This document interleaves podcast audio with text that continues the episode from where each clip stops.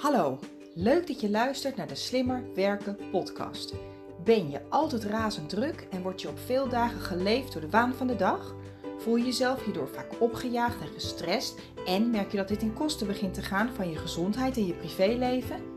Dat is niet nodig, want je kunt er iets aan doen. Mijn naam is Jennifer Boskeljon en met Werk Slimmer Niet Harder is het mijn missie om jou te helpen met het creëren van meer overzicht, controle en balans in je werk en je leven. In deze podcast deel ik slimme tips en inspiratie met jou, zodat ook jij kunt werken en leven met minder stress en meer plezier. En je uiteindelijk meer tijd en energie hebt voor dat waar je echt blij en gelukkig van wordt. Luister je mee? Ik heb er zin in. Hallo lieve luisteraar, welkom bij weer een nieuwe aflevering van de Slimmer Werken podcast. Deze keer ietsje later dan je van mij gewend bent. Zoals je hoort aan mijn stem ben ik nog steeds verkouden.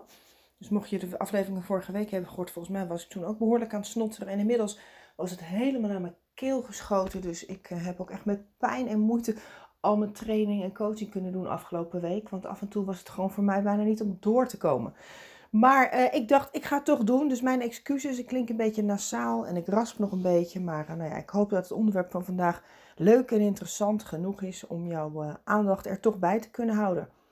Um, nou, waar wil ik het over hebben? Ik wil het heel graag met je hebben over het stellen van prioriteiten en het maken van bewuste keuzes. En met name het leven dat wij creëren en manifesteren naar aanleiding van die keuzes. Het gaat natuurlijk allemaal over slim werken en time management. En afgelopen week heb ik daar uh, een hele bewuste keuze in gemaakt. Wat ik lastig vond. Ik moet zeggen dat ik echt wel uh, even over na heb moeten denken. Maar ik ben wel achteraf gezien heel trots dat ik die keuze heb gemaakt. Want elke keuze die jij en ik maken is altijd het directe gevolg van de prioriteiten die we stellen en van de manier waarop wij leven, wie we zijn. Wij maken altijd een keuze ten aanzien van de besteding van onze tijd op basis van wie wij zijn. Of in ieder geval wie we. Niet eens zozeer op wie wij willen zijn, vooral op wie wij echt zijn. En uh, dat, dat blijft natuurlijk wel altijd een behoorlijk dilemma. Want als jij bijvoorbeeld een betrokken vader of een betrokken moeder wil zijn. En je bent ook nog eens een keer een ambitieuze ondernemer of een zakelijke professional. Of je bent ook nog weer een, een betrokken uh, collegiale uh, collega of medewerker, dan, dan kan dat echt heel lastig zijn om daar een keuze in te moeten maken. Maar onbewust maak je die keuze altijd door de keuze die je maakt ten aanzien van je werk. Ten aanzien van de manier waarop jij je tijd besteedt. Hoeveel uur per week werk je? Hoeveel afspraken heb je privé door de week s'avonds? Hoe vaak doe je s'avonds je laptop openklappen? Um, hoeveel tijd neem je voor ontspanning? Uh, zit je uh, op clubs? Heb je hobby's? Sport je? Uh, heb je tijd voor sociale contacten? En het is nooit een kwestie van tijd hebben. Het is altijd een kwestie van tijd ergens voor maken. En het voelt misschien alsof je met name onder werk daar geen keuze in hebt, maar je hebt altijd een keuze. Je hebt altijd een keuze, of eigenlijk je hebt altijd een kans om een andere keuze te maken. Alleen zijn we ons daar heel vaak niet bewust van. En um, de afgelopen weken, eigenlijk vanaf september, uh, ik neem dit nu half oktober op, uh, was ik ontzettend druk. En dat vind ik leuk. Want ik vind niks leukers bijna dan onderweg zijn naar een training, een grote groep toespreken of individuele coaching of mensen online. Ik vind het ontzettend leuk, dat boven alles. Maar ik merkte de afgelopen weken dat het zo druk was dat ik daardoor uh, het minder leuk vond. Want als je s'morgens een presentatie ergens aan het geven bent en je weet dat je smiddags bijna aan de andere kant van het land moet zijn. Of als je s'avonds thuis komt laat en je denkt, oh ik moet nog naar yoga, maar ik heb eigenlijk geen zin, want ik ben blij dat ik eindelijk thuis ben. Of um, dat ik daardoor ook eigenlijk, nou, mijn ouders die zijn al op leeftijd, gaat heel goed met ze. Dus wat dat betreft zijn ze helemaal niet zielig. Maar ik vind het toch fijn om zeker één keer in de week of één keer in de twee weken, want ze wonen hier in de buurt, om even een uurtje of twee uurtjes minimaal bij mijn ouders langs te gaan voor een kopje koffie of thee. Nou, dat, dat, dat was gewoon de afgelopen weken onmogelijk. En ik probeerde dat te compenseren. Nou kom ik weer, een schuldgevoel. Dat is ook wie ik ben natuurlijk. Uh, probeer ik dat te, te compenseren met uh, appjes sturen en verslagen van als ik s'avonds op de bank zat van... Hoi mam, hoe is het? Maar het voelde zo surrogaat. En uh, ik merkte gewoon dat wie ik ben, wie ik wil zijn, niet congruent was met de persoon, of tenminste met hoe ik mijn tijd besteed. En ik weet als geen ander hoe jij je tijd besteedt. dat is de manier, dat is wie je eigenlijk bent. Of je laat daarmee zien wat je wil doen, of je laat daarmee zien wat je niet wil, waar je bang voor bent, wat je wil vermijden. En in dit geval wist ik heel goed dat ik zelf uh, eh, 100% de aanstichter was en dat het ook maar tijdelijk was, want vanaf november ziet mijn agenda er een stuk rustiger uit. Vind ik overigens ook wat van. Dan denk ik weer van, oh shit, ik heb toch wel een goede omzet in november. Of het gaat toch wel lukken. Of ik krijg nog wel nieuwe opdrachten erbij. Dus het, is allebei niet leuk. Het, het, liefst heb ik het gewoon lekker druk, maar niet te druk. En de afgelopen paar weken was ik voor mijn gevoel gewoon te druk. En op het moment dat ik me dat realiseer, dan uh, ben ik zelf bewust genoeg. Hè? Het is natuurlijk ook mijn vakgebied.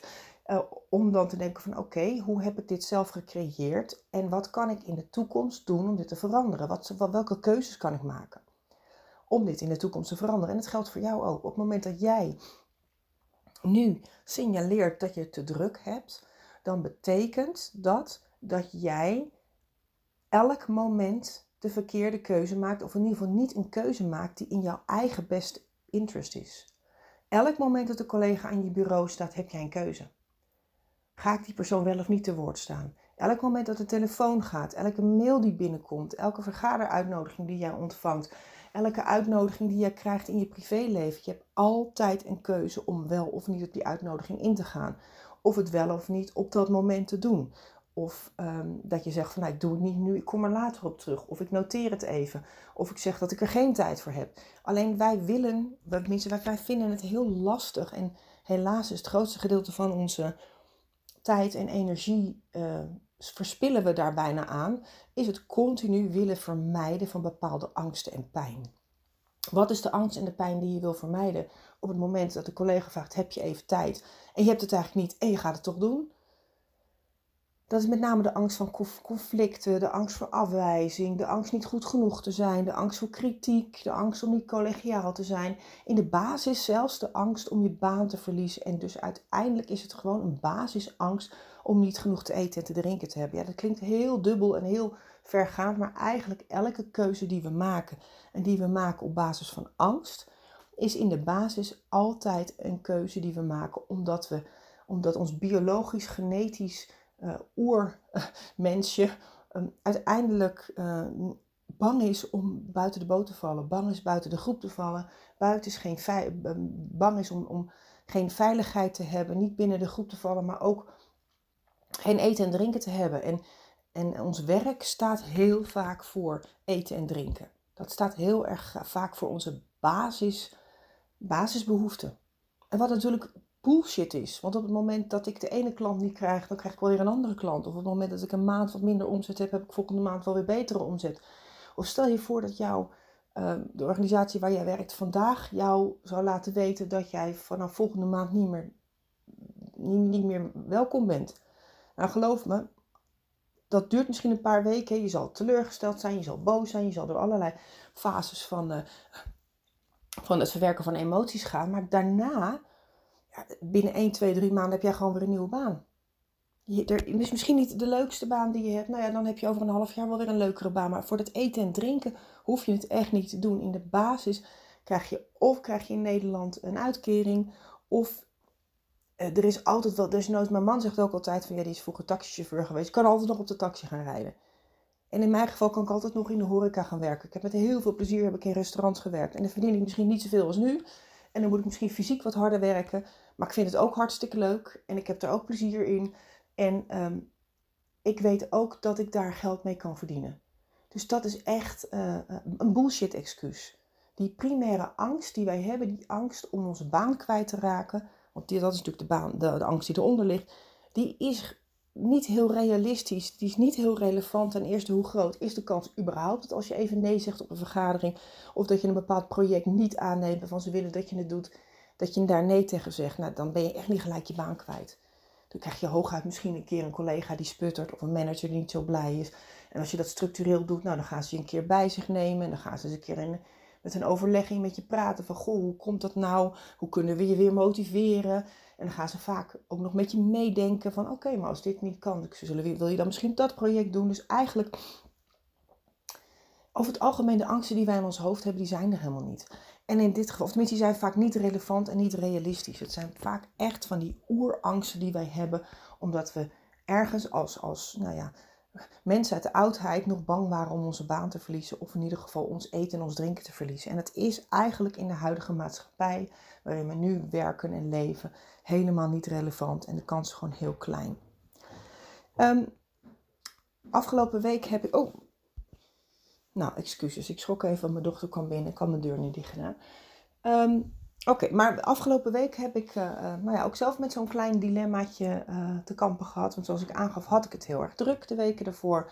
Vond ik dat niet meer zo leuk. Merkte ik dat, ik me, dat het echt ten koste begon te gaan van mijn werkplezier. En het plezier dat ik in mijn werk had. Maar ook gewoon van mijn eigen persoonlijke ontspanning. En ik had geen tijd meer om langs mijn ouders te gaan. Of met vriendinnen wat af te spreken. Ik doe zelfs yoga heb ik een keertje afgezegd.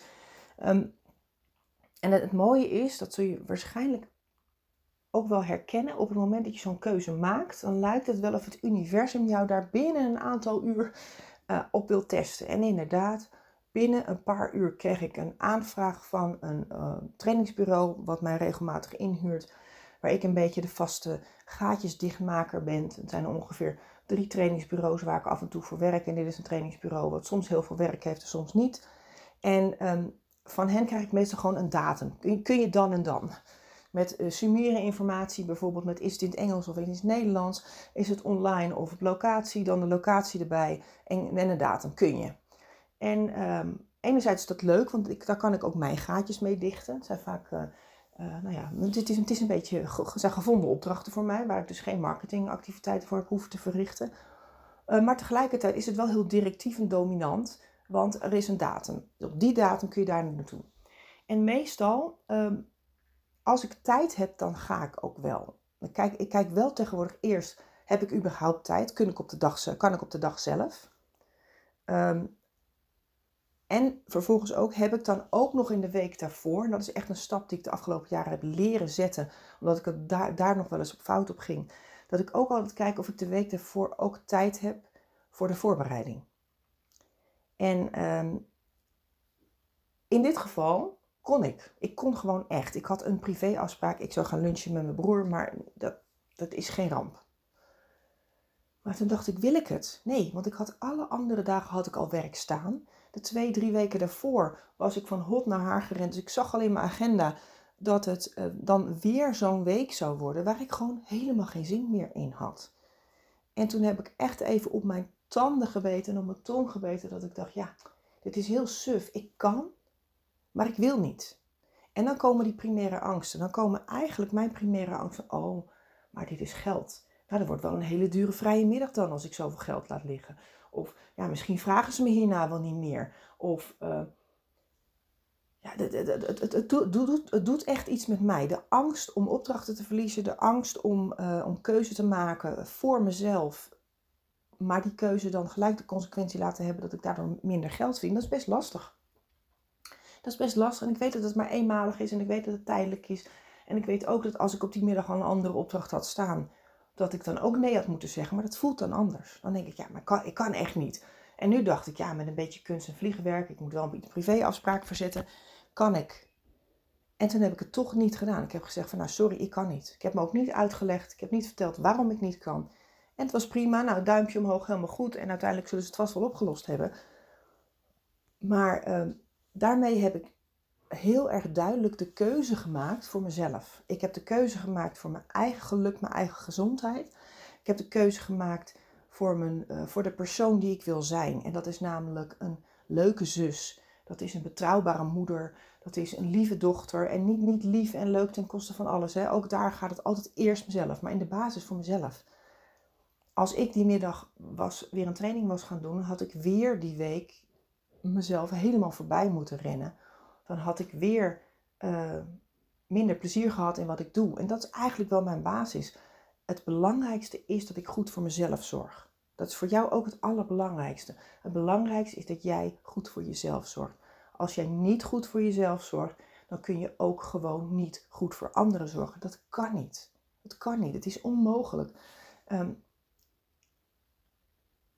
ik heb, uh, laatst las ik ergens een quote. Uh, het was een Engelse quote volgens mij. Never give away your own wax. Dus met andere woorden, uh, nooit je eigen kaarsvet weggeven. Dus op het moment dat het, dat het goed met jou gaat, dan ben jij zeg maar een kaars die een vlammetje heeft. En die vlam die kun je onbeperkt doorgeven aan anderen. Ten eerste verlicht je de ruimte voor anderen. Je verlicht het leven van anderen. En daarbij kun je die, die, die vlam, die kun je ook doorgeven. Die kun je oneindig doorgeven. Als je maar door, blijft doorgeven en doorgeven, dan zal die vlam nooit stoppen. Energie stopt niet. Het gaat, de energie gaat alleen maar door. Maar op het moment dat jij je eigen kaarsvet aan het weggeven bent, dus als je je eigen gezondheid, geluk opoffert voor de gezondheid, geluk van anderen, of voor geld, of voor dingen die eigenlijk in de basis helemaal niet belangrijk zijn, omdat je, uh, uh, omdat je liever die leuke vader, moeder, partner, collega wil zijn, uh, of met name dat gelukkige individu. En als dat ten koste gaat van de dingen waar jij blij van wordt, dan is dat gewoon uh, eigenlijk een hele makkelijke keuze. Maar toch voelt het heel moeilijk.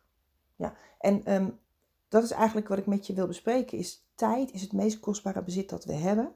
Jouw geluk en gezondheid is het allerkostbare bezit wat jij hebt. Um, mede, hè, dus we hebben een aantal kostbare bezitten. Dat is tijd, dat is plezier, dat is geluk, dat is gezondheid. Um, en als het goed is, heb jij een aantal normen in jouw leven. En daarin voor mij is bijvoorbeeld liefdevol zijn en uh, mijn eigen ja, vrijheid bepalen. Hoe noemen we dat? Mijn, mijn vrijheid. Ik denk dat een van mijn belangrijkste kernwaarden wel is vrijheid. Plezier en vrijheid. Dat zijn twee dingen die ik graag wil ervaren. En niet ten koste van anderen, niet ten koste van mijn kinderen, niet ten koste van de wereld, niet ten koste van uh, mijn buurvrouw, maar wel uh, me realiseren dat op het moment dat ik doe wat ik leuk vind, waar ik blij van word, waar ik goed in ben, dan kan ik de wereld ook beter helpen. En in dit geval zou ik misschien voor die opdrachtgever op dat moment een relatief korte termijn gaatje hebben dichtgelopen. Uh, maar dat zou voor mij veel te kostbaar zijn geweest. Het zou, het zou echt ten koste zijn gegaan van. En achteraf, nu ik weet dat ik ook nog eens een keer vorige week verkouden was en deze week nog steeds verkouden, is het nog belangrijker nu achteraf ben ik heel blij dat ik die keuze niet had gemaakt. Want dan was misschien mijn verkoudheid had nog wel langer geduurd. En ook ik vond het heel lastig.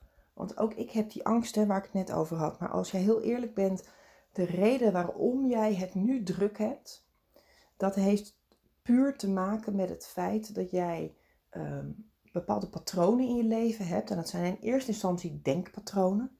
Elke, elke gedachte wordt uiteindelijk een actie wordt van jouw kant en creëert uiteindelijk een reactie en creëert uiteindelijk je realiteit. Dus um, de, de, de gedachten die ik op dat moment zou kunnen hebben, die had ik ook wel. Alleen ik was me er nu bewust van, van oh chips, het kost me geld. Of ja, het kan wel. En ik heb zelfs even gedacht, goh, wat egoïstisch van mij. Dat ik liever een, een, een vrije middag in Horen doorbreng, winkelend en lunchend met mijn broer. Dan dat ik... Uh, uh, deze opdracht ga doen. Dat ik deze opdrachtgever uit de brand help. Nou, ten eerste heb ik ze nou, het afgelopen jaar al, al 10, 15 keer uit de brand geholpen.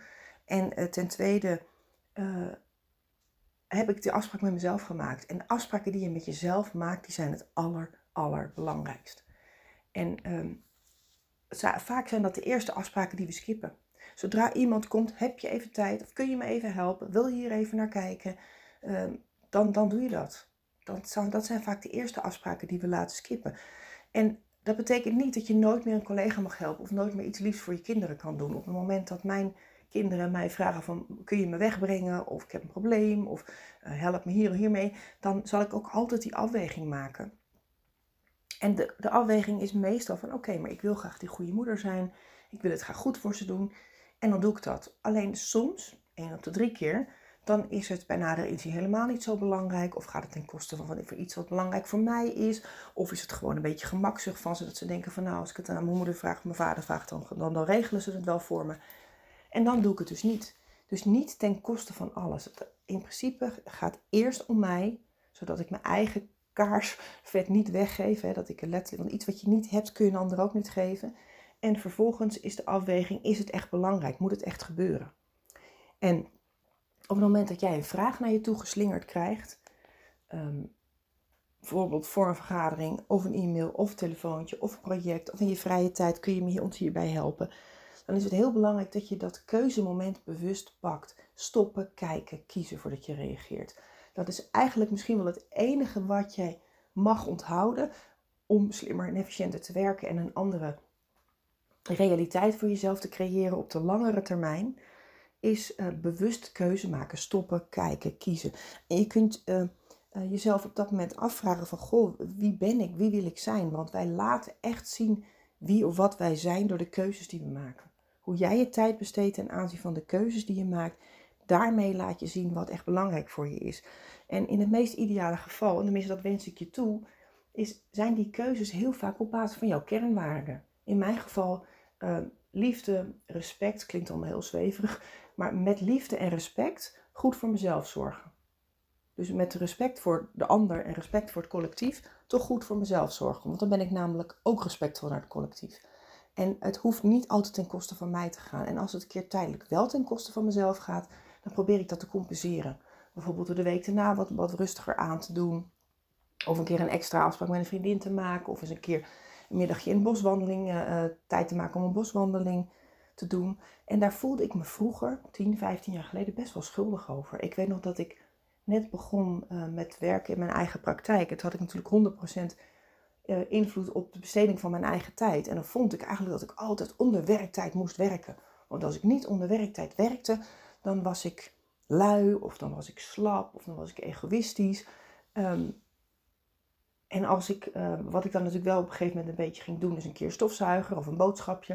En dan voelde ik me dan eigenlijk een beetje schuldig over. Terwijl ik op dat moment niet eens iets had gedaan wat puur voor mij was. Gewoon voor het gezin of voor, voor iets anders wat nuttig was geweest. En daar heb ik echt jaren over gedaan om dat schuldgevoel een beetje kwijt te raken. Alleen ik ben het nog niet helemaal kwijt. Met name de, nou, met name de angst. Het is echt nog een klein beetje met name de, de, de angst voor... Um, uh, voor tekort. En dat is, dat is het, het lastige op het moment dat je eigen ondernemer bent, zoals in mijn geval. Dan is elke opdracht is er één. En ik weet nooit precies, ik, meestal zit ik zo één, twee maanden van tevoren zit ik vol. Moet ook weer niet te lang van tevoren vol zitten, want dan wordt mijn kernwaarde van de vrijheid weer beperkt. Vind ik ook heel irritant.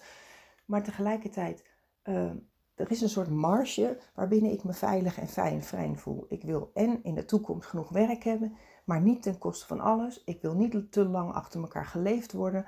Ik wil ook uh, tijd voor mezelf hebben in zo'n week. En ik merk dat dat sommige weken beter gaat en andere weken minder. Maar als het bij jou dus structureel de verkeerde kant op schiet, dan zul jij dus andere keuzes moeten gaan maken.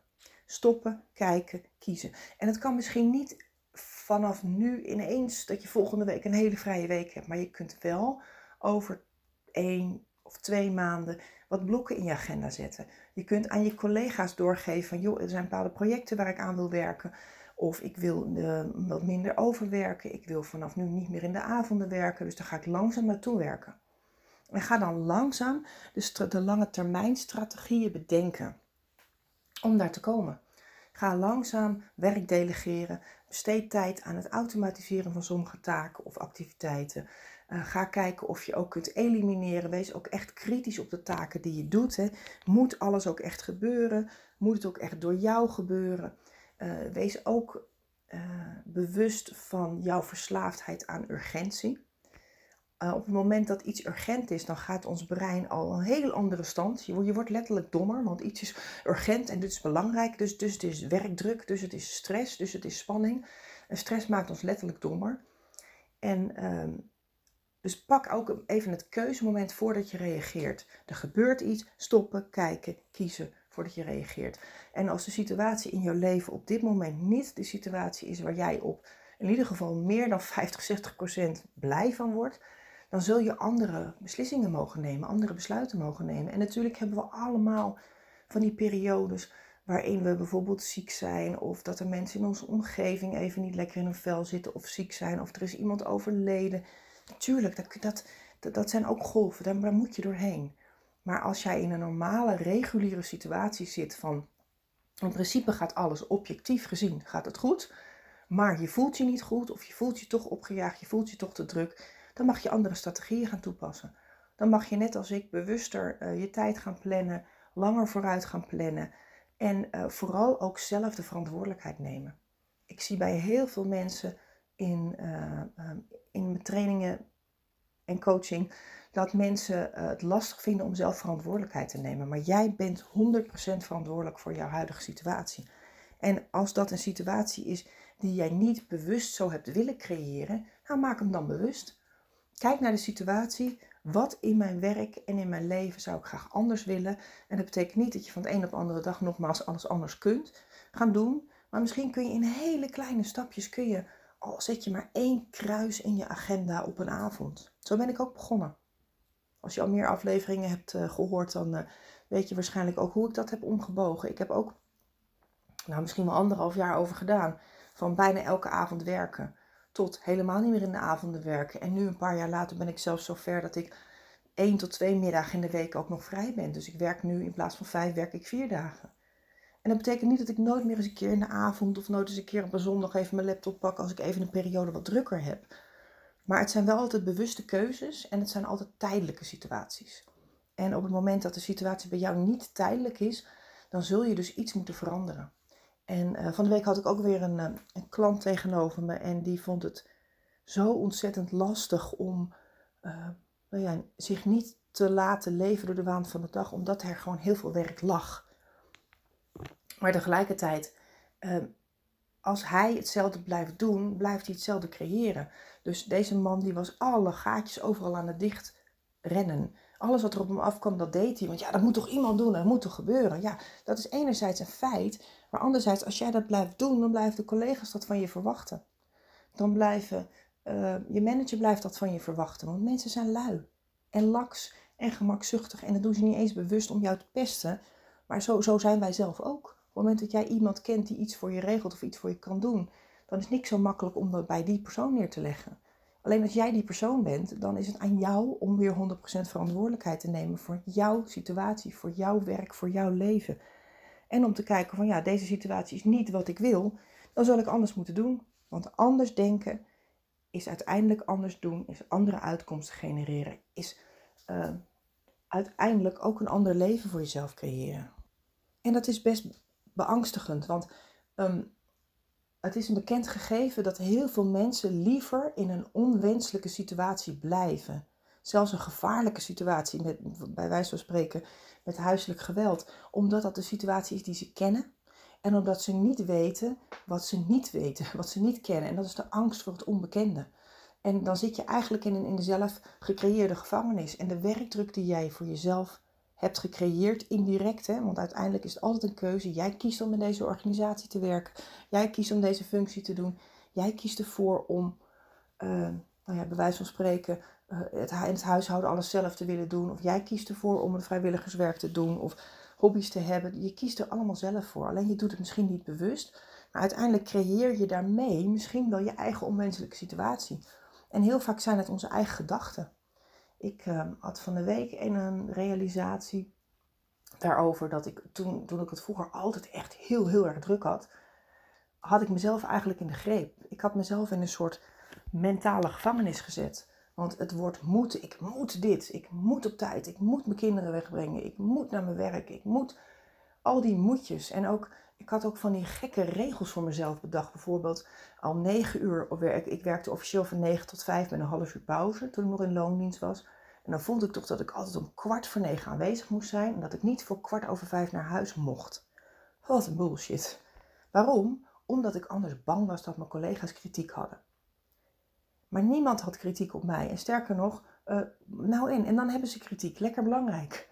Uh, het maakt helemaal niet uit wat andere mensen van je vinden. Het maakt niet uit. Het gaat erom hoe jij je over jezelf voelt. En misschien de mensen die heel belangrijk voor je zijn. In mijn geval gaat het om mijn man, mijn kinderen, mijn ouders, mijn allerbeste lieve vrienden en vriendinnen. Misschien, ik wil een, een, een fijne buurvrouw zijn, maar ook niet een buurvrouw die alles voor iedereen oplost. Gewoon een vriendelijk, sociaal, liefdevol mens. En ook, en dat vergat ik dus vroeger. Ik vergat vroeger om een vriendelijk, liefdevol, sociaal mens te zijn voor mezelf. Ik was het voor iedereen, maar niet voor jezelf, voor mezelf. En dat, daar wil ik je ook toe uitnodigen. Hè? Dus wees ook lief voor jezelf. En als echt waar, als je leven op dit moment niet is wat je zou willen, omdat er om wat voor vlak dan ook te veel druk, te veel stress, te veel spanning, te veel moeten, dan zul je echt zelf actie moeten ondernemen. Je zult zelf je strategie moeten bepalen. Bijvoorbeeld door te evalueren waar je nu je tijd aan besteedt en te kijken of je misschien strategieën kunt bedenken om dingen te delegeren, te elimineren, of misschien wel te automatiseren of in ieder geval langzaam uit te faceren. En in kleine stapjes kun je heel veel veranderingen maken. En zorg gewoon dat je continu uh, stoppen, kijken, kiezen voordat je reageert. Ga bewuster handelen. En als je handelt, uh, bedenk ook vanuit welke overtuiging handel, behandel, handel ik nu? Reageer ik? Reageer ik vanuit enthousiasme, positiviteit? Of reageer ik vanuit een angst, een conflictvermijding, het idee niet goed genoeg te zijn? En meestal de, de, de, besluiten die we nemen vanuit angst, of angst voor afwijzing, angst om niet goed genoeg te zijn, ehm, dat zijn vaak niet de, de, besluiten die het best zijn voor ons. En ehm, nogmaals, als je niet goed voor jezelf zorgt, kun je ook niet voor een andere zorgen. Dus zorg dat je je eigen kaarsvet niet weggeeft. Oké, nou dankjewel dat je het zo ver, ondanks mijn gesnotter, hebt uitgeluisterd. Ik wil je ontzettend veel succes wensen met het maken van de juiste keuzes in je leven, gezonde keuzes in je leven op basis van jouw eigen normen en waarden, wensen en behoeften. Mocht je het interessant vinden, uh, er is binnenkort um, weer een uh, online inspiratiesessie. Ik zal de, eind oktober, ik zal de link weer in de show notes zetten. En misschien zie ik je daar. En uh, nou ja, heel erg bedankt voor het luisteren en heel graag tot de volgende keer.